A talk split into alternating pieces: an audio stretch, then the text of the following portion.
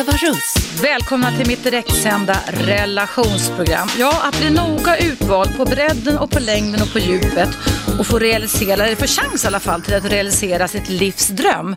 Att få vara med i ett väldigt, väldigt häftigt äventyr.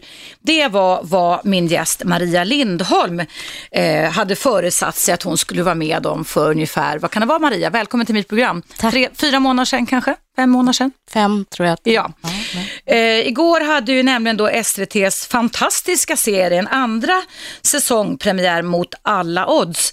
Där ni tio stycken då funktionsnedsatta killar och tjejer i varierande ålder och med varierande funktionsnedsättningar som ger er ut på ett otroligt häftigt äventyr. Men för din del kunde vi se i tv igår Maria så blev det häftigt på ett annat sätt. Vad var det som egentligen hände? Det såg ju oerhört dramatiskt ut där i tv-rutan igår kväll. Ja, det gjorde det, men det gör ju oftast eh, i, i tv.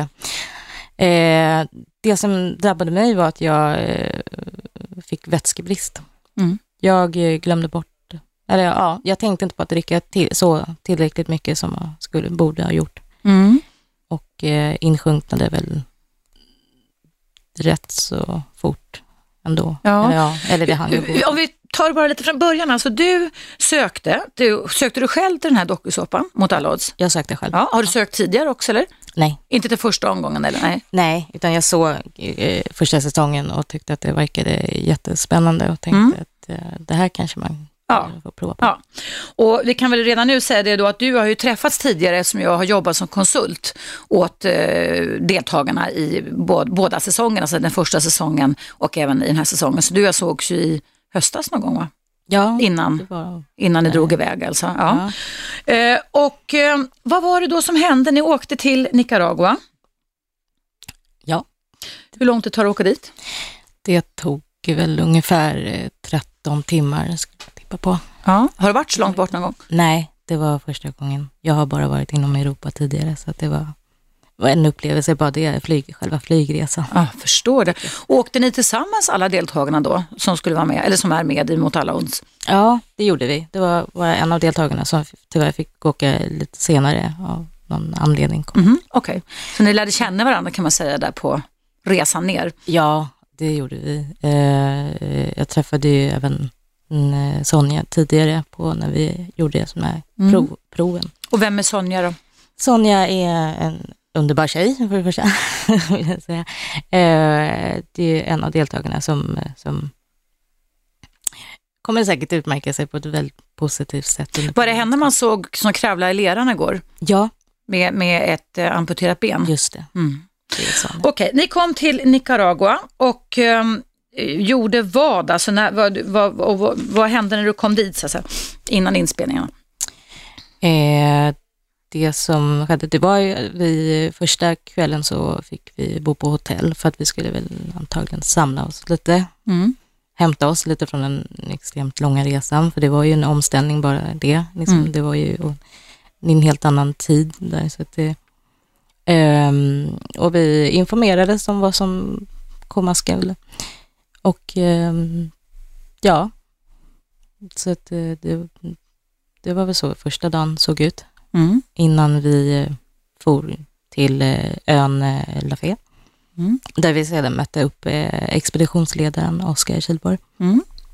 Och hade man då börjat filma det hela, hade äventyret börjat så att säga kan man säga? Eh, ja, det börjar ju när vi eh, sitter på ett flak där och är på väg till eh, hamnen och från, Mm. tar båten över till Det måste ju varit enormt spännande. Jag känner ju själv när jag tittade på det här igår i tv, alltså jag känner ju liksom att jag själv skulle vilja varit med Ja, på, på det här. Så jag kan ju mycket väl föreställa mig, min föreställningsförmåga Maria, hur otroligt eh, spännande och det måste ha pirrat i magen på dig så att, säga, att få vara med om det här äventyret. ja, det var det. Alltså, utan tvekan var det nog det häftigaste jag tänkte att jag skulle vara med om. Mm. Det det. Men, men det var jättevarmt. Hur varmt var det när ni spelade in där och när ni kom ner till Nicaragua? Åh, det var fruktansvärt varmt. Det var, men eh, ja, jag var kanske inte riktigt förberedd på att det skulle vara så här. Eller- Nej. Hade ingen förberett er på att det skulle bli så varmt? Eller? Jo, vi hade väl fått den informationen i något mejl att det var liksom mm, runt 30 grader, sådär, Mm. 35 grader i skuggan. Mm. Ehm, men just den här eh, extrema luftfuktigheten gjorde det ju också ännu mer kvavt. Mm. Så att säga. Mm. Men jag tyckte ju att det var skönt å andra sidan. Jag tyckte det var jättehärligt att lämna den trista månaden i oktober här Mm. och komma till det där varma. Det förstår jag verkligen. Ja. Men, men du sa då att du glömde bort att dricka. Och, och det, det var det första dagen eller andra dagen det här hände då? Eller? Det hade väl gått 48 timmar ungefär. Mm. Eh, då jag började känna huvudvärk. Mm. Eh, jag tänkte inte så mycket på att det, var, att det kunde bero på vätskebrist, eh, så liksom, utan jag, var, jag är ganska van vid att ha huvudvärk. Jag har ganska ofta huvudvärk. Mhm. Så det var liksom, Så det var ingen signal på att någonting var olag i din kropp kan man säga? Nej. Nej, precis. Det var mer så. Det var så här spänning. Jag menar, I och med att det var så mycket och det var så mycket eh, faktorer som kände som, alltså det var så spänning över det hela och liksom Mm. nervositet så att jag tänkte väl att det berodde mest på det och, och för lite sömn Mm. och så. Så att eh, jag gick och la mig med den där huvudvärken och hoppades väl på att den skulle gå över. Men eh, jag vaknade ju på natten och eh, märker att jag är väldigt torr i munnen. Och det är då vi, det är ju första natten i djungeln. Så, att, så då har, och, eh, och går ut i, i tältet och det är becksvart. Ni ligger i tältet då alltså? Ja. Mm. Och eh, jag hämtar, eller försöker och eh, vi hade en sån här jättestor blå eller sån här tunna med vatten, Mm. så plastdunke. Så du vaknar på natten och har huvudvärk och att du tar i munnen och vill gå och hämta vatten alltså Ja, i djungeln? Mm. då var jag extremt törstig. Så Mm. att, eh, jag tänkte, måste ju... Men jag får inte upp den där flaskan, för den sitter en, extremt hårt, den här Mm. korken. Så att jag konkar på hela den här, och den var ju eh, tung, för det var ju, jag vet inte hur många liter det var, Mm. men det, det gick i alla fall. Jag lyckades dra den till, eller liksom bära med mig den till, till, till våra tält där jag och Sonja låg. Mm. Och hon var vaken, så att hon eh, försökte ju också eh, få upp den, men hon fick inte heller upp korken. Mm. Så att och då, då, då, då struntade vi i det. Så, så att Mm. vi, vi, vi, liksom, vi ger upp. Vi, så att vi sov. Mm. Ni vill inte störa de andra antar jag också, att väcka någon till? Nej, det var Nej. väl kanske det. Mm. Det borde man väl ha gjort. Ja, nu efteråt kanske det hade varit din räddning om man säger så, eller hur? Men, Ja. men, men nu, nu var ni hänsynsfulla och du bet ihop och du gick och la dig fast du var törstig. Mm. Vad hände sen?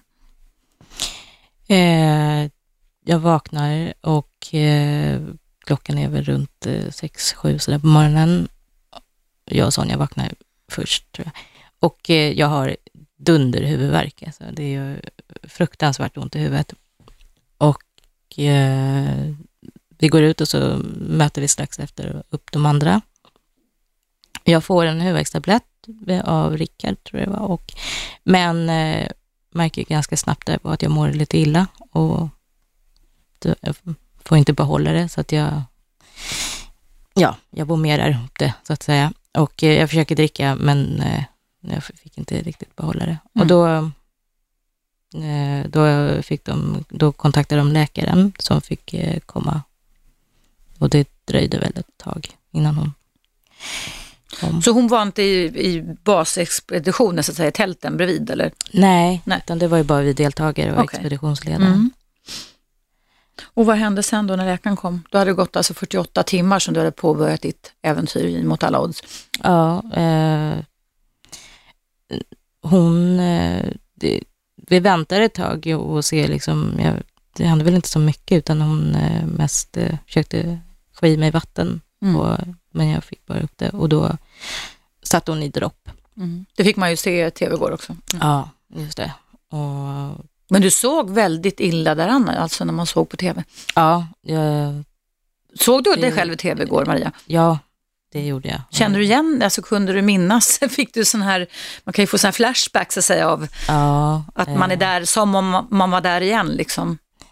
Ja, det fick jag väl. Det, men under hela, eller alltså då när jag var där så hade jag väl liksom, det var som en eh, dröm hela tiden. Mm. Alltså det kändes ju som att, nej men det här kommer jag vakna upp, det här är ju inte sant, det här är ju för, för bra för att vara sant. Lite så hade jag tankarna hela tiden. Av att du var med det mot alla odds och Ja. var där nere också. Ja. Ja, nej, men det var helt otroligt, alltså Mm. fantastiskt hela Mm. den grejen. Eh, så att, eh, nej det var svårt att, det var jobbigt att se igår, men jag hade ju även sett avsnittet innan också. Så Mm. det var, Mm. Men du fick i alla fall då dropp av den här läkaren vad hände efter det då? Jag blir klar efter första droppet. Mm. Ganska, alltså jag märker hur, jag, liksom, hur huvudvärken börjar liksom sina. Och, Mm. eh, men jag känner mig väl rätt, eh, jag är rätt trött.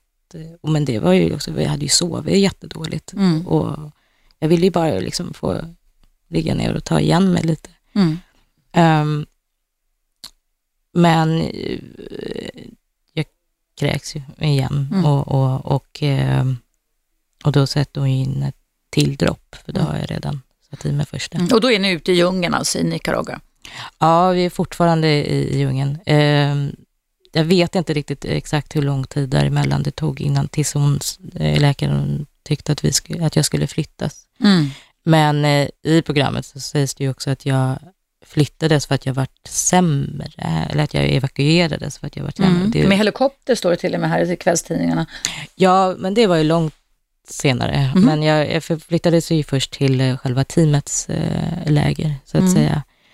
Ehm, men jag, jag, jag kände mig inte att jag var sämre då, utan det var ju att jag...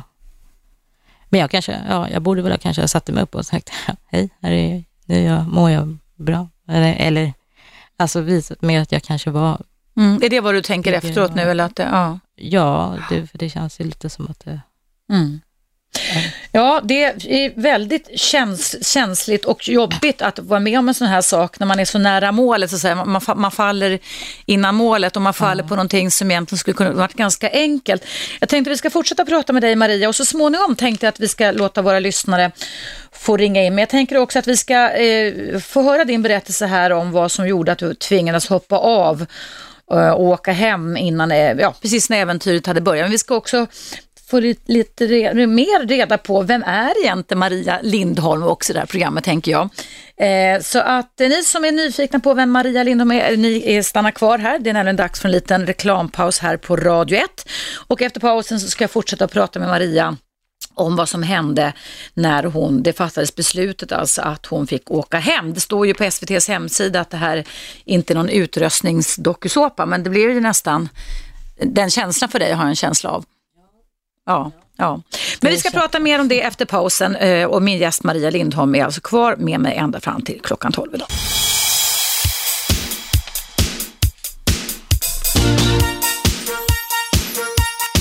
Radio 1. Eva Russ. Jajamensan, det är jag det. Jag sitter här med Maria Lindholm.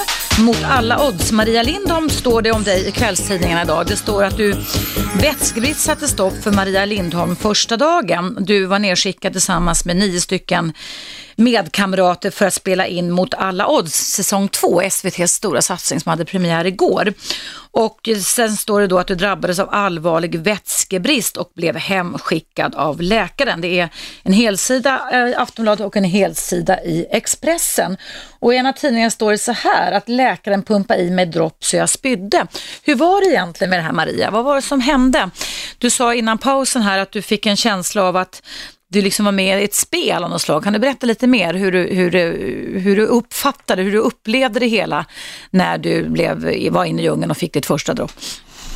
Mm, eh, alltså, jag tänker så här att det, blir, det är ganska lätt att när, när, när man blir filmad, så när det är tv, man, oavsett om man är liksom, mm, tv-van eller inte, så blir det på något sätt att man, man, man har hela tiden den tanken, att okej, bra tv ska det bli på något sätt, men eh, att jag, nej men alltså att det var inte grejen, grejen var inte att jag, det som det skulle se ut som att jag var Alltså det, det, det ser ju ut som att jag är mer, alltså att jag är... Det som visades i tv igår alltså? Ja, tycker jag. Ja, Eh, det såg förfärligt ut, det var hemskt. Du såg döende ut tycker jag när man såg det i tv. Ja, och jag, jag kan Men du det. kände Och inte att du det- var döende?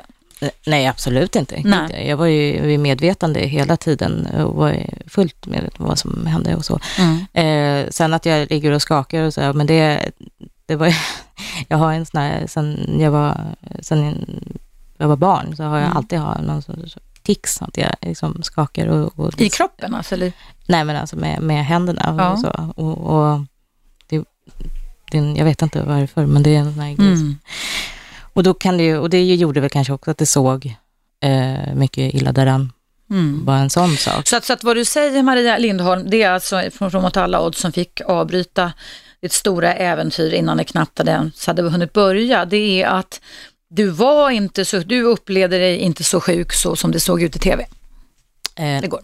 nej, utan, eh, nej, utan det var många gånger jag tänkte nästan själv så här, att men vad fan, nu, nu, nu får jag vakna upp, alltså, nu får jag bara sätta mig. Mm. Vad är, vad är liksom, Vad tror du det kan ha varit för fenomen som gjorde det? Alltså, jag har ju själv jobbat en hel del med tv och man vet ju det att man blir väldigt till lagsinställd. Alltså, eh, man, alltså, kan du ta om det här och kan du göra si och så? Va? Och man vet att det är väldigt mycket repetitioner. Och, och var det någonting, alltså hamnar du i någon slags tänk att du skulle mm, vara var alla till lags då på något sätt? Menar du det? Om du menar att du hade kunnat sätta dig upp och ja, lite. känna dig frisk igen om man säger Ja, så? jag ska faktiskt erkänna att det, det, det, det gjorde jag faktiskt i, i början och det, det känns ju jättefånigt, jättedumt. Jag, för det hände ju någon gång att man, när de sa så här, om de inte riktigt fick med vad läkaren sa till mig.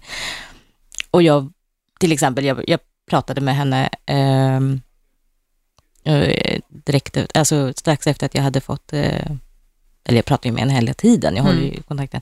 Men efter första droppet och när jag blir klar, jag, hon frågar hur, hur, då frågade i alla fall, hur, liksom, hur känns det? Och jag sa att ja, huvudvärken är nästan borta nu, jag känner mig mycket piggare nu, jag känner verkligen hur jag reagerar på det här droppet. Mm. Och vi, ja, och, och, och, och så var det någonting de inte fick med och då sa de ju, men kan, kan vi ta om det här? Liksom. Och då, då var det som att jag intalade mig själv att jag, ja men okej, då, nu backar vi bandet och, och, och, och, och, Mm. och får låta det, liksom, nu, nu mår jag liksom, jag, jag intalar mig själv, tror jag, en liten, ett litet tag där att jag mådde sämre. eh, Än vad det var. Du, vad ja. Intressant det där, hur, vilka konstiga skeenden som kan inträffa Ja. när, man, när kamerorna är på, eller hur? Det är en Ja. dum psykologisk faktor känner Ja. jag som drar. Är du, är du arg och besviken på dig själv för att du liksom på något vis upp, blev mer sjuk så än, än vad du i alla fall då, både då och idag tyck, ansåg att du själv var? Jag blev väl mest arg för att jag inte tänkte, alltså jag hade ju kunnat liksom undvika det här genom att, att jag hade druckit mycket mer. Men, men, men hade man inte expeditionen så att man, någon påminde er om att du skulle dricka då? Visserligen, det sa de några, liksom, några gånger, tänk på att dricka, men Mm. alltså mer en så här medicinsk information fick vi ju inte Mm. direkt. Mm. Alltså, så här, tänk på det här, liksom märker ni minsta lilla, de Mm. här typen av symptomen.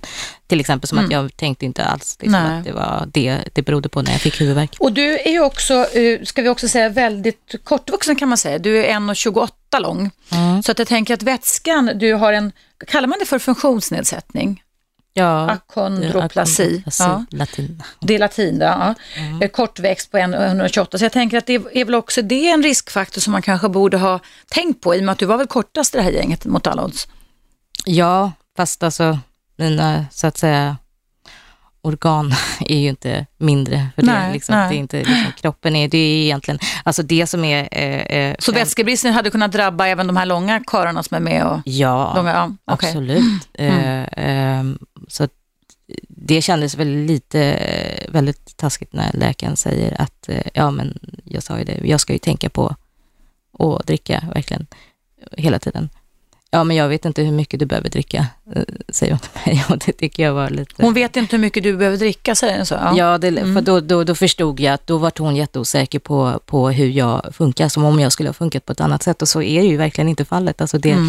det med akondoplasi, vid min kortväxthet, det gör att jag har kortare armar och ben. Alltså Mm. kroppen och knoppen för den delen Mm. också, är ju helt brukbar och Mm. är som normalt inom Mm. situationstecken. Mm.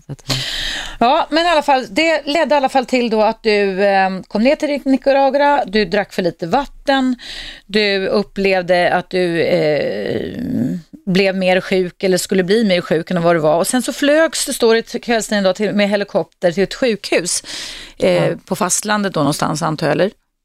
ja, Där, där prover togs. Och där står det att, att efter några timmar så visade sig att, att värdena var bra. Att du mådde mycket bättre. Men vad, vad hände då? Eh, ja, eh, eh, när vi flög in, jag mådde jättebra. Allting var helt, jag kände mig helt återställd. Men det togs lite prover, blodtryck och så fick jag ytterligare ett dropp och eh, jag fick inte ens gå på toa själv, utan det var, tyckte de att jag skulle ha hjälp med, men det var ju inte.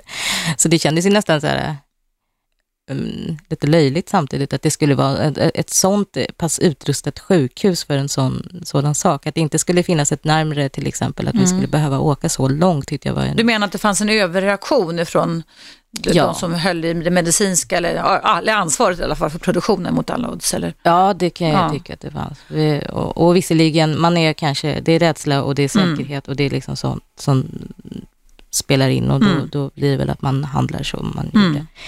Men eh, Men du, du, du fick hjälp och du mådde bra och då tänkte du väl förstås att jippi, nu är det bara att gå tillbaka till expeditionen igen, eller? ja, det trodde jag för att de, de sa ju att ett beslut var inte taget ännu. Mm. Ehm, mm, vilket eh, framgick i, i programmet eh, tvärtom, att det var ju liksom, beslutet var ju tydligen taget redan. Mm. Hur fick du reda på det då? Eh, att jag inte skulle få vara Mm. kvar med det. Eh, det talade Ingrid om, för, läkaren om för mig eh, på sjukhuset. Efter, ja, vi hade väl varit där i Mm. två timmar kanske. Hur, Och- hur reagerar du på det?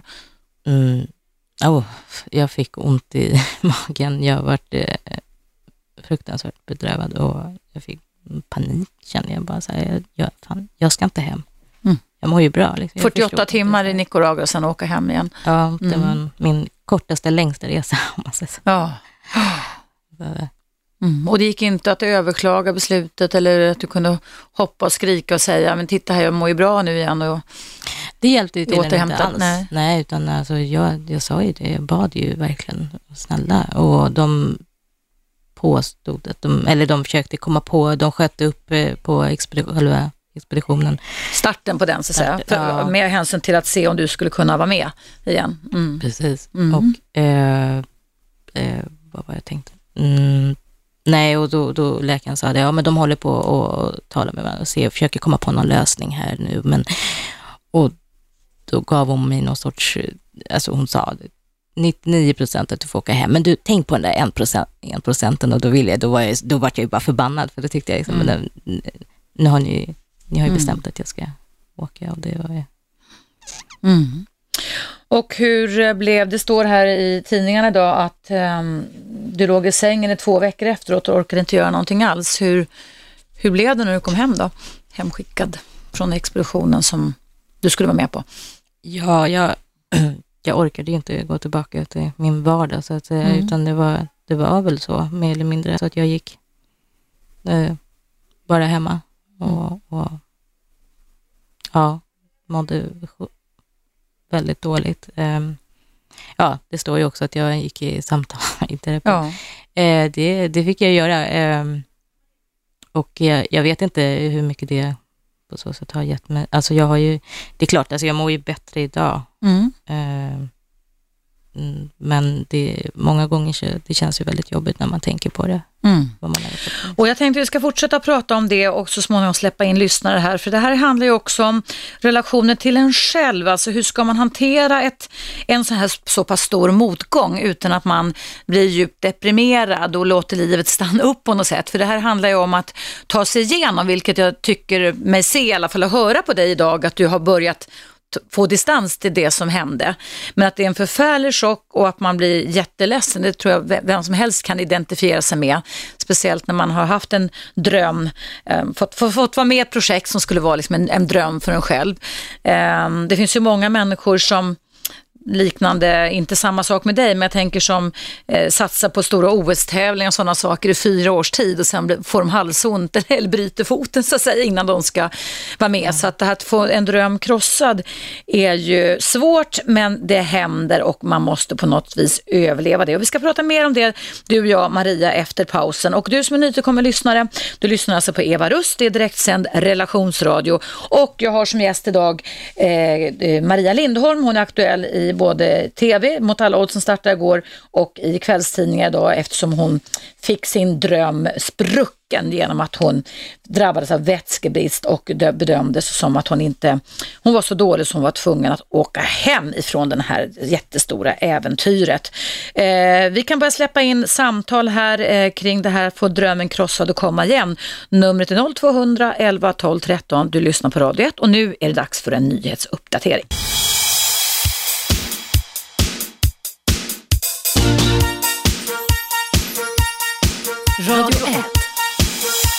Eva Russ.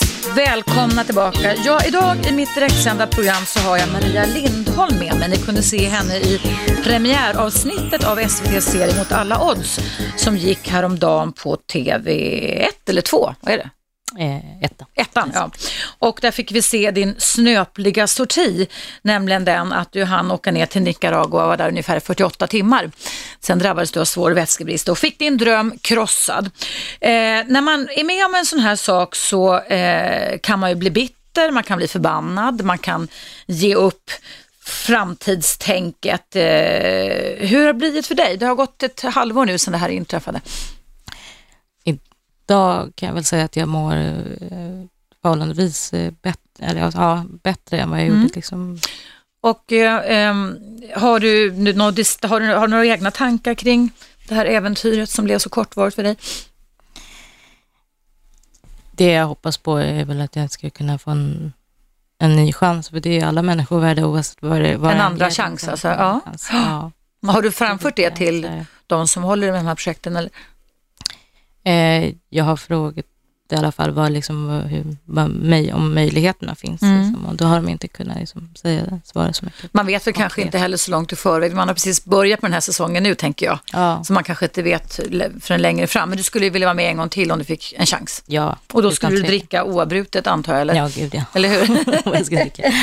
Du, jag tänker på det, alltså, du, jag kan föreställa mig när man då eh, har en kortvuxenhet, du är 1,28 lång, att man på något vis får vara med om ganska mycket motgångar i livet på grund av att du liksom är så pass, du avviker från gängse normer om man säger så, gängse längd och sådana saker. Hur, har det varit någon fördel för dig? Har, du- har, hur, jag tänker med motgångar och medgångar, har det varit någon fördel för dig? Blir man starkare av att eh, ha, ha en funktionsnedsättning som innebär att man är kort? Ja, det är, är tror jag. Eller Mm. det är jag nog ganska säker på att man blir. Man får ett helt annat, eller jag får ett, Mm. har liksom fått ett helt annat perspektiv än vad jag tror att jag skulle ha om jag inte hade.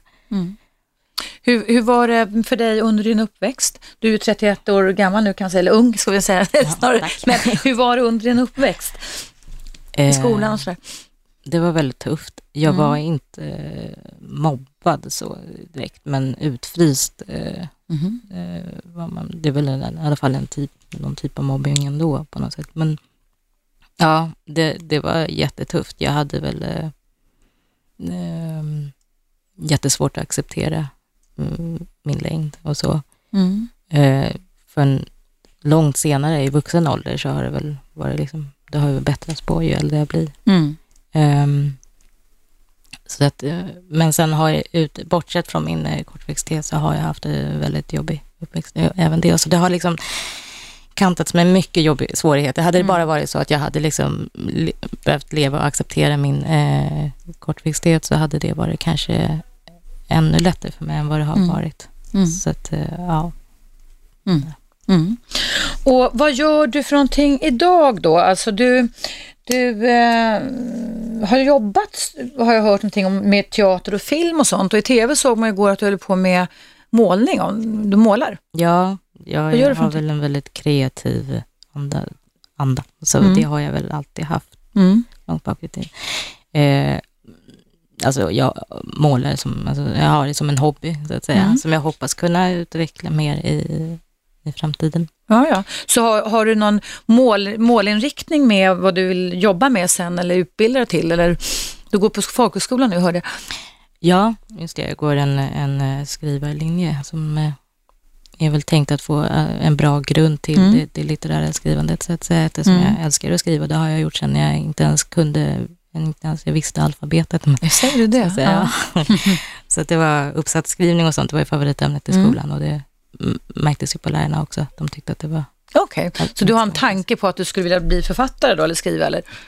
ja, Mm. bland annat. Kanske Det- det skriva om det här äventyret också då, som du var med om? Ja, det skulle jag faktiskt kunna göra. Även- fast det var så kort. Men, men det finns ju mycket. Mm. Du, jag tänker Maria, eh, vad, när man då avviker, vi människor är ju väldigt grymma av oss liksom och väldigt måna om flocken, stammen, klanen, gruppen och så vidare. Vad, när du då kände att du blev lite ut, inte, inte upptagen i gänget, kan man säga så? När, när du gick i skolan? Mm. ut, som så utfrusen då. Vad, vad, hur, hur gjorde du? Hur gör man för att kunna eh, inte ge upp? När allting är jävligt runt omkring. Ja, det är väl bara att tänka. Alltså, min mamma lärde väl mig i, i ganska tidig ålder, liksom, tänk så här, det, det är fel på dem, det är inte fel på dig. Mm. Det, det, är liksom, det är ditt, det, det, är som, det är vad du har innanför huvud, skallen som Mm. räknas. Mm. Och det ska du bevisa att du är inte... Alltså man, man, man tar, många har ju de fördomen med att ser man annorlunda ut, då är man även mm, konstig i skallen. Mm. Och då har det ju hela tiden varit så att man får ju bevisa för sig, alltså för, för andra. Man måste hela tiden vara liksom på ett, ett steg före hela tiden och visa att, "Nej, men hallå, jag är, Mm. jag är inte så dum som du tror. Mm. Hur gjorde du det då? Ehm, Överkompensation brukar det kallas. Alltså det är ju en strategi liksom för att kunna se till att, att, att folk inte ska kunna kugga en eller ja, frysa ut en ännu mer Precis. än vad det tyvärr då var. Man får vara liksom, man får visa lite så här väldigt mycket framåtanda och Mm. liksom vara lite bättre än... Okej, alltså, för, förekomma alltså på något sätt, visa Ja. att du kan. Ja, Mm. precis. Ehm, men det var mycket mer så för nu, nu mer kan jag tänka så här, jag kan ju strunta fullständigt i vad folk har för Mm. vill man ha dumma tankar, naiva tankar, då, det får ju stå för dem. Liksom. Det kan Mm. inte jag. Mm. Jag ska inte hela tiden bevisa för Mm. sådana människor. Alltså kan de inte tänka bättre eller längre så, Mm. så får det vara. Mm. Och, och är det någon fördel med att vara kortväxt? Finns det någon fördel med det? Eh, jag har inte tänkt så. Eller alltså, det är inte så att jag tänker hela tiden att det är bara nackdelar, utan det... nej, jag vet inte faktiskt vad jag Mm. för, egentligen för typiska fördelar. Mm. Ehm, nej, det var lite svårt. Mm. Eller det, det är klart det finns väl, det finns säkert. Men Mm. eh, Men du, om vi går tillbaka till det här att få drömmen krossad. Hur tänker du idag då, eh, när du fått distans till det som hände, att du mm, var, var, föll på mållinjen som man kunna säga, alltså när du fick åka hem på grund av vätskebristen hem mot alla odds. Vad, har, har detta stärkt dig på något sätt tycker du? ja, alltså, det, eller det blev ju en livsupplevelse bara det här. Liksom. Det blev en erfarenhet att ta med sig. Ehm, det blev en lärdom för det första. Att man liksom, ja, tänker sig för lite bättre. Ehm, Fast där Men kan jag ju tycka, utan att jag var med där nere, så jag skulle ändå tycka att man skulle kunna påminna er allihopa, om man kommer till en sån varm miljö, att drick för 17 hela tiden. Det skulle liksom eka i öronen tycker jag. Att man, för att det är ju en omställning, bara att åka till främmande land, en helt annan miljö, en helt annan eh, värme och nya människor. Alltså det är en massa tv-kameror runt omkring. Ja. Så jag kan ju tänka att vem som helst skulle kunna bli lite virrig alltså. För du är, inte, du är inte en virrig person annars Maria, eller? mm, nej, det skulle jag inte påstå. Men som sagt, för, att, för jag tänker att man kan ju också ha mycket självanklagelser, men, men du verkar ju ändå ha kommit igång, kommit igen efter att ha fått din dröm krossad. Det här med nya målsättningar, det här med att skriva och göra nya saker. Ja, fast eh, många gånger så känns det som att det är en blockering i skallen på mig, att jag inte har den alltså tillräckliga viljan och förmågan Mm. att, att göra det jag liksom har alltid tyckt om att göra. Eh, för att jag kanske för det mesta dels mår väl ganska deppigt. Så det, Mm. Och då är det jättejobbigt att ta sig an Mm. sånt som känns eh, egentligen glädjande. Du, eh, det är dags för en reklampaus här. Jag tänker nu kan vi be eh, andra lyssnare ringa in här och berätta sina upplevelser till att få sin dröm krossad, alltså att snubbla på mållinjen så att säga. Hur de har överlevt det, vad de har gjort. Det kan gälla relationer, det kan gälla alltså en parrelation, det kan gälla relationer till en själv, det kan gälla en OS-satsning som jag jämförde lite, eh, det är inte samma sak, men ändå det här att man är väldigt, väldigt nära att få realisera och förverkliga någonting man har drömt om och sen så går allting åt skogen så kan vi höra vad ni lyssnare har för betraktelser kring detta. Och du eh, är med mig här ända fram till klockan 12 om det är okej okay, Maria. Ja. Så kan du få vara lite coach till de som ringer in också. 0200 11 12 13, alltså numret in till mig, Maria Lindholm här i studion. Om vi pratar om att falla på mållinjen och få drömmen krossad. Och mejladressen om ni vill mejla in till mig är evaradio1 snabel gmail.com. Nu däremot är det dags för en liten eh, paus. Vi kommer få en uppdatering från våra sponsorer här på Radio 1 och vi hörs efter pausen som kommer här, men du är varmt välkommen att ringa in även i pausen som kommer här.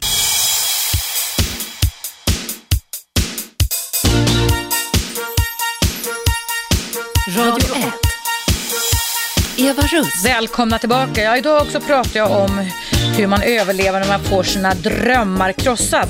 Jag har Maria Lindholm här som var aktuell igår med det första avsnittet av Mot alla odds och som på grund av svår vätskebrist bedömdes att hon inte kunde fortsätta med den här expeditionen. Men man kan överleva sånt med. Vi människor är ju faktiskt överlevare och vi kan överleva det mesta.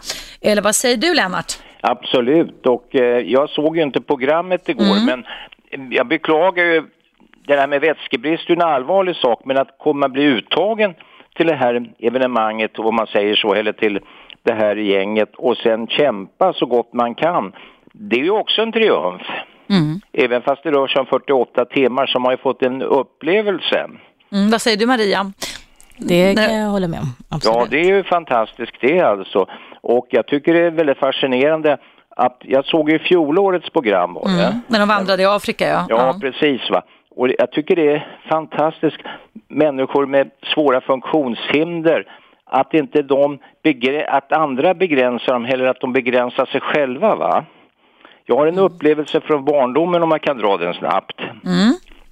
Det var nämligen så att jag var med min far eh, för många, många år sedan på Stadion och på den tiden det var friidrottstävlingar och då hade man inga så kallade paraolympiader och sånt, va, eller för funktionshindrade. Mm. Och då var det faktiskt en enbent höjdhoppare där. En enbent höjdhoppare, det var ja. inte illa, nej. Jo, men han hade protes, va, ja. underbenet va. Ja. Och han fick ställa upp och på den tiden hoppade de i kalifornisk stil och i saxstil. Saxstil, just det. det. det. var en mm. tysk alltså, förmodligen krigsinvalid då, eller som man sa det, invalid på den tiden, funktionshindrad.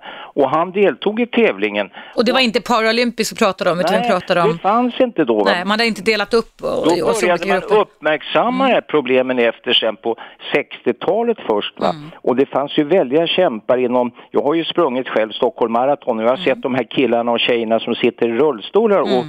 och kämpar fantastiskt mm. igenom mm. alltså. Och, och, det tycker jag är beundransvärt och roligt va. Och nu har jag också en kompis som var med i Sydney-olympiaden om ni kommer ihåg. Mm, en 10-12 år sedan. Han spelade rullstolsbasket. Ja.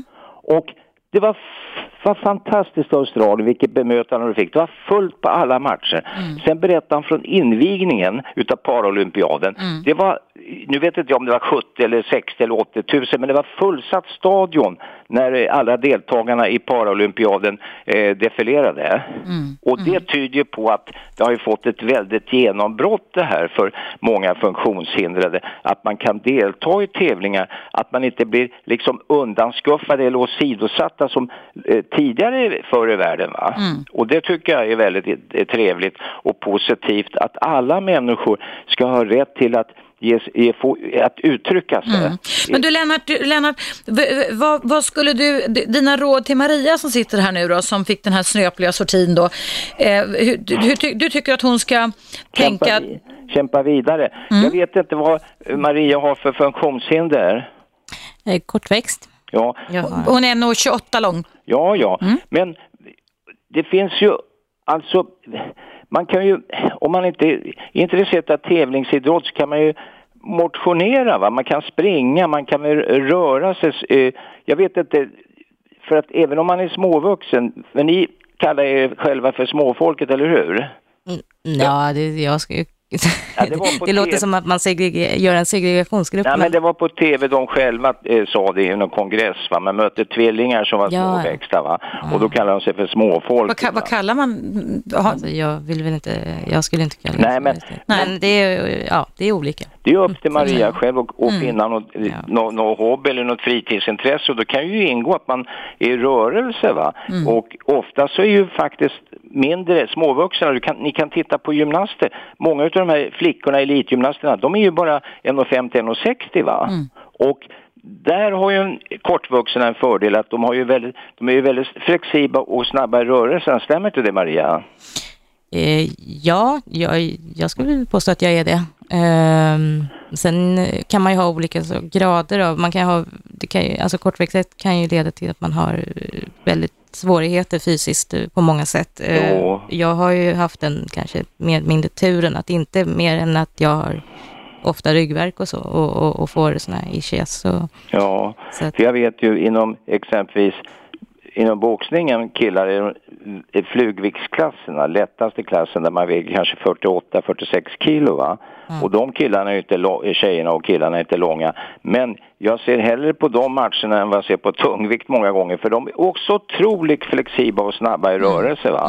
Och det är nog otrolig explosivitet man kan se va. Så att man ska inte bara fixera sig vid stora volymer på människor utan även kortvuxna har ju vissa fördelar och också så att säga är fullvärdiga människor va. absolut. Ja, så att så ser jag i alla fall. Ja, jag, så jag, att- får att- önska, jag får önska Maria lycka till och hoppas att du inte tappar eh, sugen definitivt nu utav det här. Det är ju tråkigt om man är, måste avbryta en sån här fascinerande vad ska man kalla det för, tävling eller ett, som, som man... Ja, man tävlar ju mot sig själv. Ja, Alltså, mot du, själv, så, du, alltså. du borde titta på det här programmet Lennart, för att det går ju på SVT. Play. Det är otro... alltså, man kan inte förstå hur det är möjligt ens att, att människor som inte har en funktionsnedsättning kan ta sig fram i djungeln så som det såg ut igår. Jag, jag såg ju i fjol, vet du, det var en kille som saknade armar, va? kommer du ihåg det? Ja, just det. Samsi tror jag han hette. Ja, fantastisk kämpe Ja. alltså. Det, är ju ja, det tycker jag är fantastiskt alltså. Och sen en annan sak som Maria säger, det är ju viktigt att jag själv springer och håller på att tävla, men jag tävlar ju också bara mot mig själv liksom. Det, det är kul va, man behöver inte liksom be- försöka överträffa några andra människor. Bara man liksom för, kan ha stimulans själv va? så tycker jag man når långt på vägen. Det är ju det viktigaste och därigenom kan man ju finna harmoni och sånt Ja, där. ja. Men jag ska lyssna vidare, hörru. jag håller gör tummarna. Ja. Det är bra, hej. Tack, tack Lennart. Hej, hej. Det var Lennart, en trogen eh, lyssnare här på Radio 1. Ja, eh, vad tycker du om det då Maria Lindholm som är min gäst idag? Tycker du att eh, Lennart hade någonting vettigt, gav dig vettiga råd som du kan ha nytta av? Att tänka att det ändå var 48 timmar istället för att det var bara 48 timmar, så vända på det, alltså säga att ja, men jag blev ändå utvald till det här jätteprojektet av, jag vet inte hur många människor det var som en gång från början var med. Ja. är det möjligt för dig att kunna tänka så? Ja, absolut. Jag är inte, det skulle ju låta som att jag vore annars jättebitter över Mm. hela liksom, grejen. Det, det, så är ju inte fallet, utan alltså, det som hände, det, det hände och det var fruktansvärt tråkigt. Och, men alltså att jag kom med, att de hade det, gav mig det, att de trodde på mig och, och ville liksom att jag gav ett, eh, Mm. in, att, jag- gjorde ett in, starkt intryck på dem. Det, det fick jag Mm. veta och det, det gladde mig jättemycket. Mm. Och, och det, jag har ju jobbat mycket med idrottsutövare genom åren, det känner du kanske inte till, men under 80-90-talet. Och där handlar det ju också om va, att, att även om man har till exempel förlorat en match så, att säga, så kan man ändå coacha sig till och tycka att man gjorde en bra insats. Förstår du? Alltså man kan säga att även om man kommer två eller tre så kan man säga, men jag, visst placering blev inte vad jag tänkt mig, men jag gjorde, jag spelade väldigt bra, kvalitativt bra, jag gjorde en bra insats och det kan ingen ta ifrån mig. Så att det handlar ju hela tiden väldigt mycket ändå om vad du själv tycker och vad du gjorde. Och sen att man då kan ha lite självkritik också, att jag borde ha tänkt på det här, men då vet vi det, då kan man liksom bocka av det nu, att jag vet att jag borde ha förberett mig kanske lite bättre, men det kanske också den här expeditionsledningen skulle ha gjort, eller hur? Ja, eh, jo, absolut. Och, ehm, och jag hade ju också accepterat det bättre eller mer om det hade varit så att jag hade liksom drabbats av någonting som jag inte visste vad det berodde på eller att, alltså, att jag hade varit så i dåligt skick så att jag kände själv Mm. att jag inte orkade. Mm. Men nu så visste jag, jag kände hela tiden, nej men nu, nu, nu vill jag verkligen köra. Mm. Nu. Så, det, så det, det, det som är så oerhört, har varit jobbigt för dig kan jag förstå, det är att du kände dig bra. Efter dina vätskepåfyllningar så kände du dig helt okej igen. Men då när du kände dig som mest frisk så fick du åka hem. ja. Det är så man ska kunna sammanfatta det. Och det är ju så. Men hur, hur kan du tänka kring det nu då, utan att lägga ner en massa självanklagelse på dig själv? Ehm, jag menar du nu? Ja, vi kan fundera på det under pausen som kommer här, för vi ska prata om hur man kommer igen när man fått sin dröm krossad. Eh, du lyssnar på mig, Eva Russ, och jag har Maria Lindholm ifrån Mot alla odds som fick en snöplig sorti med mig ända fram till klockan 12 idag. Ring in till mig hörni, numret är 0200 11 12 13, eller ring in till oss rättare sagt, 0200 11 12 13. Även i pausen så kommer här och berätta om hur du har kommit igen när du har fått din dröm krossad. Och det går också som sagt var bra också att mejla in till mig och mejladressen är evaradio1 snabel-a gmail.com. Nu är det däremot dags för en nyhetsuppdatering på Radio 1.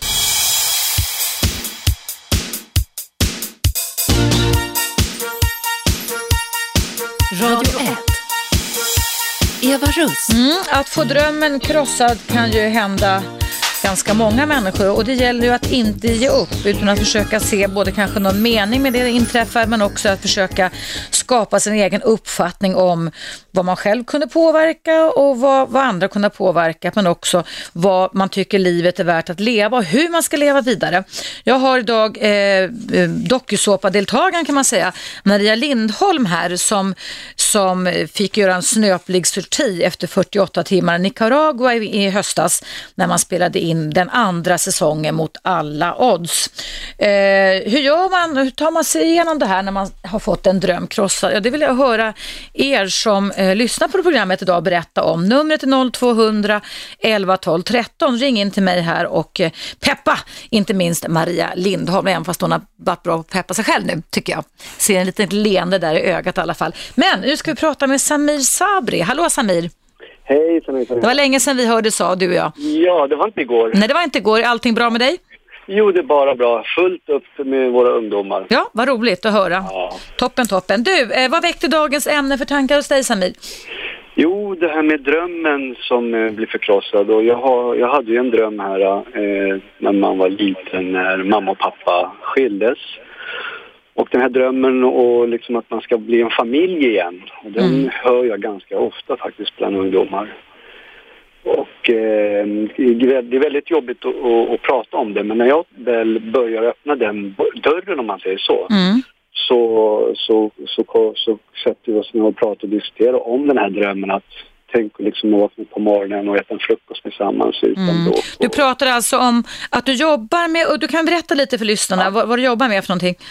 Ja, jag, och jag kan ju berätta en nyhet nu Eva. Ja. Jag har blivit anställd här på huvudkontoret på Arbetsförmedlingen så jag har hand om Unga in och eh, olika projekt, ungdomsprojekt nu. Jaha, vad roligt, vad spännande, vad kul. Ja. Är, det, är det där du träffar ungdomar som kommer från trasiga familjer eller vad är det?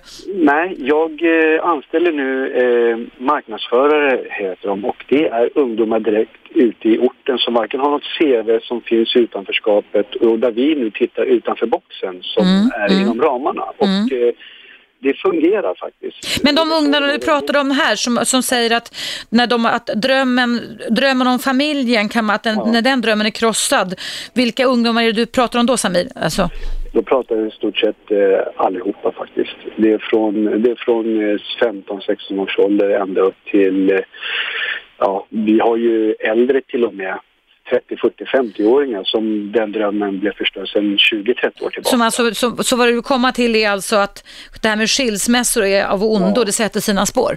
Det sätter verkligen sina Mm. spår. Och det får jag höra väldigt mycket. Och den drömmen att eh, liksom hitta tillbaka. Och där försöker jag peppa dem och hjälpa dem genom att, att de nu i, i sin situation där de Mm. eh, kan få sin dröm tillbaka genom att bilda sin egen familj och Mm. att man går, tillbaka i där liksom man har suttit och varit. Att man eh, tar till sig det där och att man, man inte gör samma misstag som, ja, som föräldrarna om man säger så. Mm, mm. Så, att, så att temat, och det här är ju också någonting som jag ofta säger i mitt radioprogram att jag tycker Ja. att vi skiljer oss för lättvindigt och att de stora Ja. förlorarna är, ja, även de som väljer bort varandra, som har valt varandra en gång i tiden, men också Mm. barnen framför allt, att separationer är av ondo. Vi pallar inte riktigt det. Ja, man glömmer bort, man glömmer bort barnen. Mm. Alltså. Och när, man, när, när vi säger när mamma och pappa skiljer sig, ja, vad händer? Då är det barnen som hamnar i kläm och så får hoppa och skutta fram och Mm. Ja, tillbaka. ja, Men det, ja. kommer man kunna göra så här, att barnen ska vara kvar i, i, i lägenheten. Mm. Och sen får mamma bo på ena Skutta hållet och runt, ja. på. Ja, och så får de komma till Det är en del som har idkat det, men jag har också hört att många vuxna pallar inte med det, men vi kräver att barnen ska palla med det. Men nu kommer vi in på lite annat ämne tänker jag. Ja. Men du, jag tänker, jag har ju Maria, har du sett Mot alla odds, Samir? Nej, jag hinner inte med tvn om jag säger så. Nej, okej. nej. Men, men det är i alla fall ett program när tio stycken funktio- funktionsnedsatta vandrar. Eh, förra året var det Afrika, eh, 30 dagar, och nu är det i Nicaragua i en helvetesdjungel, såg du i alla fall Ja. ut på tv som igår. Den har jag hört talas om. Mm. Och den, man blir verkligen rörd när, när, när, jag fick, när vi fick höra det där. Mm. Jag bara wow, vilken grej alltså. Ja. Mm. Det är helt fantastiskt. Det är, Vi människan har en sån kraft och energi inom oss och eh, det gäller bara att finna den. Sen kanske man har svårt för att finna den när man är i de här olika situationerna. Ja, ja. Men du, vad, har du något råd till Maria Lindholm här som sitter med mig? Du har ju varit med, vi kan inte dra hela din resa just nu, Nej, men jag tänker, hon, hon fick vara med 48 timmar, sen fick hon åka hem igen för att hon led av grav vätskebrist och hon tyckte att det var ett tjaskigt beslut så att säga, att hon inte fick fortsätta vara med i den här inspelningen. Men hon själv ville vara med då? Ja, hon var utvald och åkte ner till Nicaragua men drabbades av vätskebrist. Hon fick åka hem efter två dagar när hon kände sig Oj. frisk. Ja. Okej. Ja, det var ju väldigt tråkigt nu när hon ändå ville vara kvar där och kämpa. Mm. Och, Hur kan man jag- tänka då? Ja, eh, nu vet ju inte jag hur, hur, eh, hur hon känner sig direkt sådär. Du kan väl svara Maria? Jag känner det. Vill du, vill du tillbaka dit? Ja, det vill Ja. jag. Skulle jag få chansen så skulle jag absolut inte tveka. Ja. Och det, det, är det då programledarna och de som förhindrar dig då? Det är ju de som har liksom, så Tagit beslutet helt enkelt. ja. Det var Ja, det var ju väldigt tråkigt faktiskt. För att det, man ska ju få den här chansen och nu när du fått den här chansen och om du nu, eh, som jag kan säga, som jag hör att eh, du har vä- vätskebrist, ja men det borde man ju kunna ordna där nere. Ja, och det gjorde man ju också. Jag Ja. mådde ju betydligt bättre alltså, efter Ja. ett tag. Liksom. Och, Men att du inte får åka tillbaka. Jag tycker liksom eh, bara den här grejen att du kommer tillbaka hit till Sverige och sen den här viljan att åka tillbaka. Det är ju liksom, det ska man ju prioritera som nummer ett. Fan, hon ska ju ner tillbaka igen. ja. Nu är det lite för sent för det här spelades in någon gång i oktober förra året något, eller något sånt tror jag. Ja. ja, nu är Bara inte det, bara det är en styrka liksom, att man vill Ja. tillbaka. Att man har blivit drabbad av en sak och sen inte ge upp. Alltså det är en otrolig styrka. Så att, Ja. eh, ja, ja, det var tråkigt, verkligen. Mm. Så att det gäller att eh, inte ge upp och att fortsätta att kämpa. Det kan väl du om någon bevittna också om Ja, Samir. verkligen. Ja, det var roligt att höra av dig och det var roligt Ja. att höra att du jobbar med ungdomar men det var tråkigt att höra att så många blir, upplever att den här drömmen om familjen är så väsentlig och spelar så stor roll i våra liv. Det är slutsatsen, eller hur? Att skilsmässor är inte bra. Nej, de är inte bra. Det blir, kan bli ett livstraumata för många. Och den sätts eh, faktiskt i, i, i det är djupast på som sätts i Mm. en själv och eh, kan bara säga så här, ingenting är omöjligt. Alltså, eh, man, man, eh, vill man ha tillbaka sin familj, det är så många olika parter, Mm. okej, men man kan själv bilda en egen familj och liksom och, och ta, ta tillvara det som har varit tidigare och sen att man verkligen kämpar för sin familj. För att, Mm. att skilja sig så enkelt, det är liksom, man ger upp. Jag menar herregud, livet är inte lätt. Nej, nej, Nej. det är det inte. Nej. Okej Samir, tack Ja. för ditt samtal. Ha en jättebra dag. Hej då. Detsamma, detsamma. Tack, Hej, hej. Nu är det någon som ringer in här, ska vi se. Hallå, vem finns på tråden? Nej. Ring in igen hörni. Eh, 0200 11 12 13. Vi pratar idag om att få drömmen krossad. Vad säger du Maria, som är min gäst idag? Har, har du också, håller du med Samir om det här? Har du varit med om, har dina föräldrar skilts? De skilde sig innan jag... Mm, eller ja, alltså jag var, jag, jag var så pass eh, liten då så att jag kommer inte ihåg. Du har ingen Liksom, minne av en skilsmässa? Nej. Nej, precis. Så att jag har liksom inte påverkats av den. Men däremot så har jag inte haft den eh, bästa kontakten med min far. Och det har väl kanske varit... Eh, Mm. eh, ja, eller jobbigt, jobbigt. Jag kan inte säga hur det är att, att växa upp med en, en, en pappa. Mm. För att, eh, Han, Men man har ju en föreställning. Jag hade ett program här om veckan som heter Pappabrist. Som Mm. handlade om att man ibland kan, när man ändå har varit med om en separation, så kan man gå omkring och känna den här, det kan ju vara mammabrist också, pappabrist. Alltså att, liksom vad finns du, vad är du så att säga? Att man går och liksom letar någonstans i huvudet inom sig själv eller i omgivningen efter sin borttappade förälder så att säga. ja, eh, jag sökte ju upp min far faktiskt för några år sedan. Eh, han var väl så här måttligt eh, intresserad av en fortsatt kontakt. Eh, ja, det, det, det har väl varit en jättesvår, eller en jobbig grej. Jag har förstått att han har in, haft svårt att acceptera mig eftersom, ja, för min kortväxthet på så sätt. Din pappa är inte kortvuxen alltså? Nej, det är han inte. Är din mamma det? Eller? Ja, det hon. Du menar att, att, att din Så det- pappa skulle ha svårt att acceptera dig för att du är kortvuxen? För att du blev det, så att säga. Eh, För du är ju född, som sagt. Ja, och då kan man ju, ja, då kan man ju tycka, jaha, men mm, kanske lite märkligt då eftersom mamma är ju det också och han vart ju ändå kär i henne och Ja. gifte sig. Så. Men eh, det, jag tror att det vart eh, lite svårt för honom att, att acceptera i och med Mm. eh, att det var barn också som Så förfärligt, det som du säger nu tycker jag. Det är ju förfärligt att man till och med kan alltså välja bort sina egna avkommor, om man säger så. Ja. För, för att de inte är så, så som man hade tänkt sig. Speciellt när man får en, eh, skaffa sig en ny familj och, och, och har bättre ansvar för de barnen. Har din pappa en ny familj alltså? Ja. Ja, Och nya barn?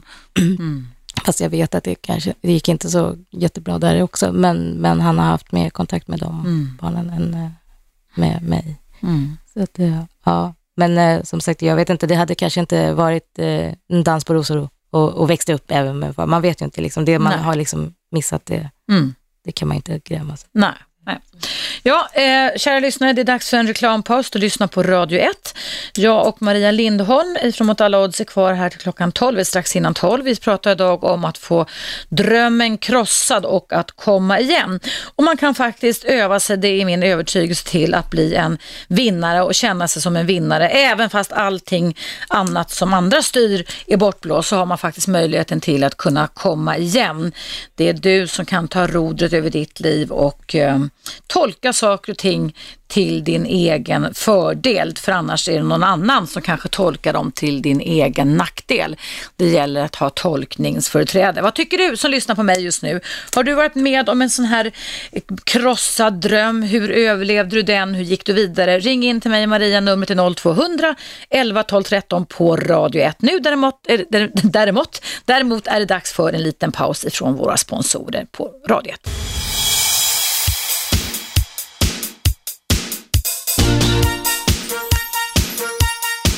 Radio 1. Eva Russ. Välkomna tillbaka. Idag pratar jag om drömmar som krossas och jag har Maria Lindholm ifrån Mot alla odds som fick göra en snöplig sorti. Bara 48 timmar i Nicaragua i höstas när hon spelade in Mot alla odds så fick hon åka hem igen.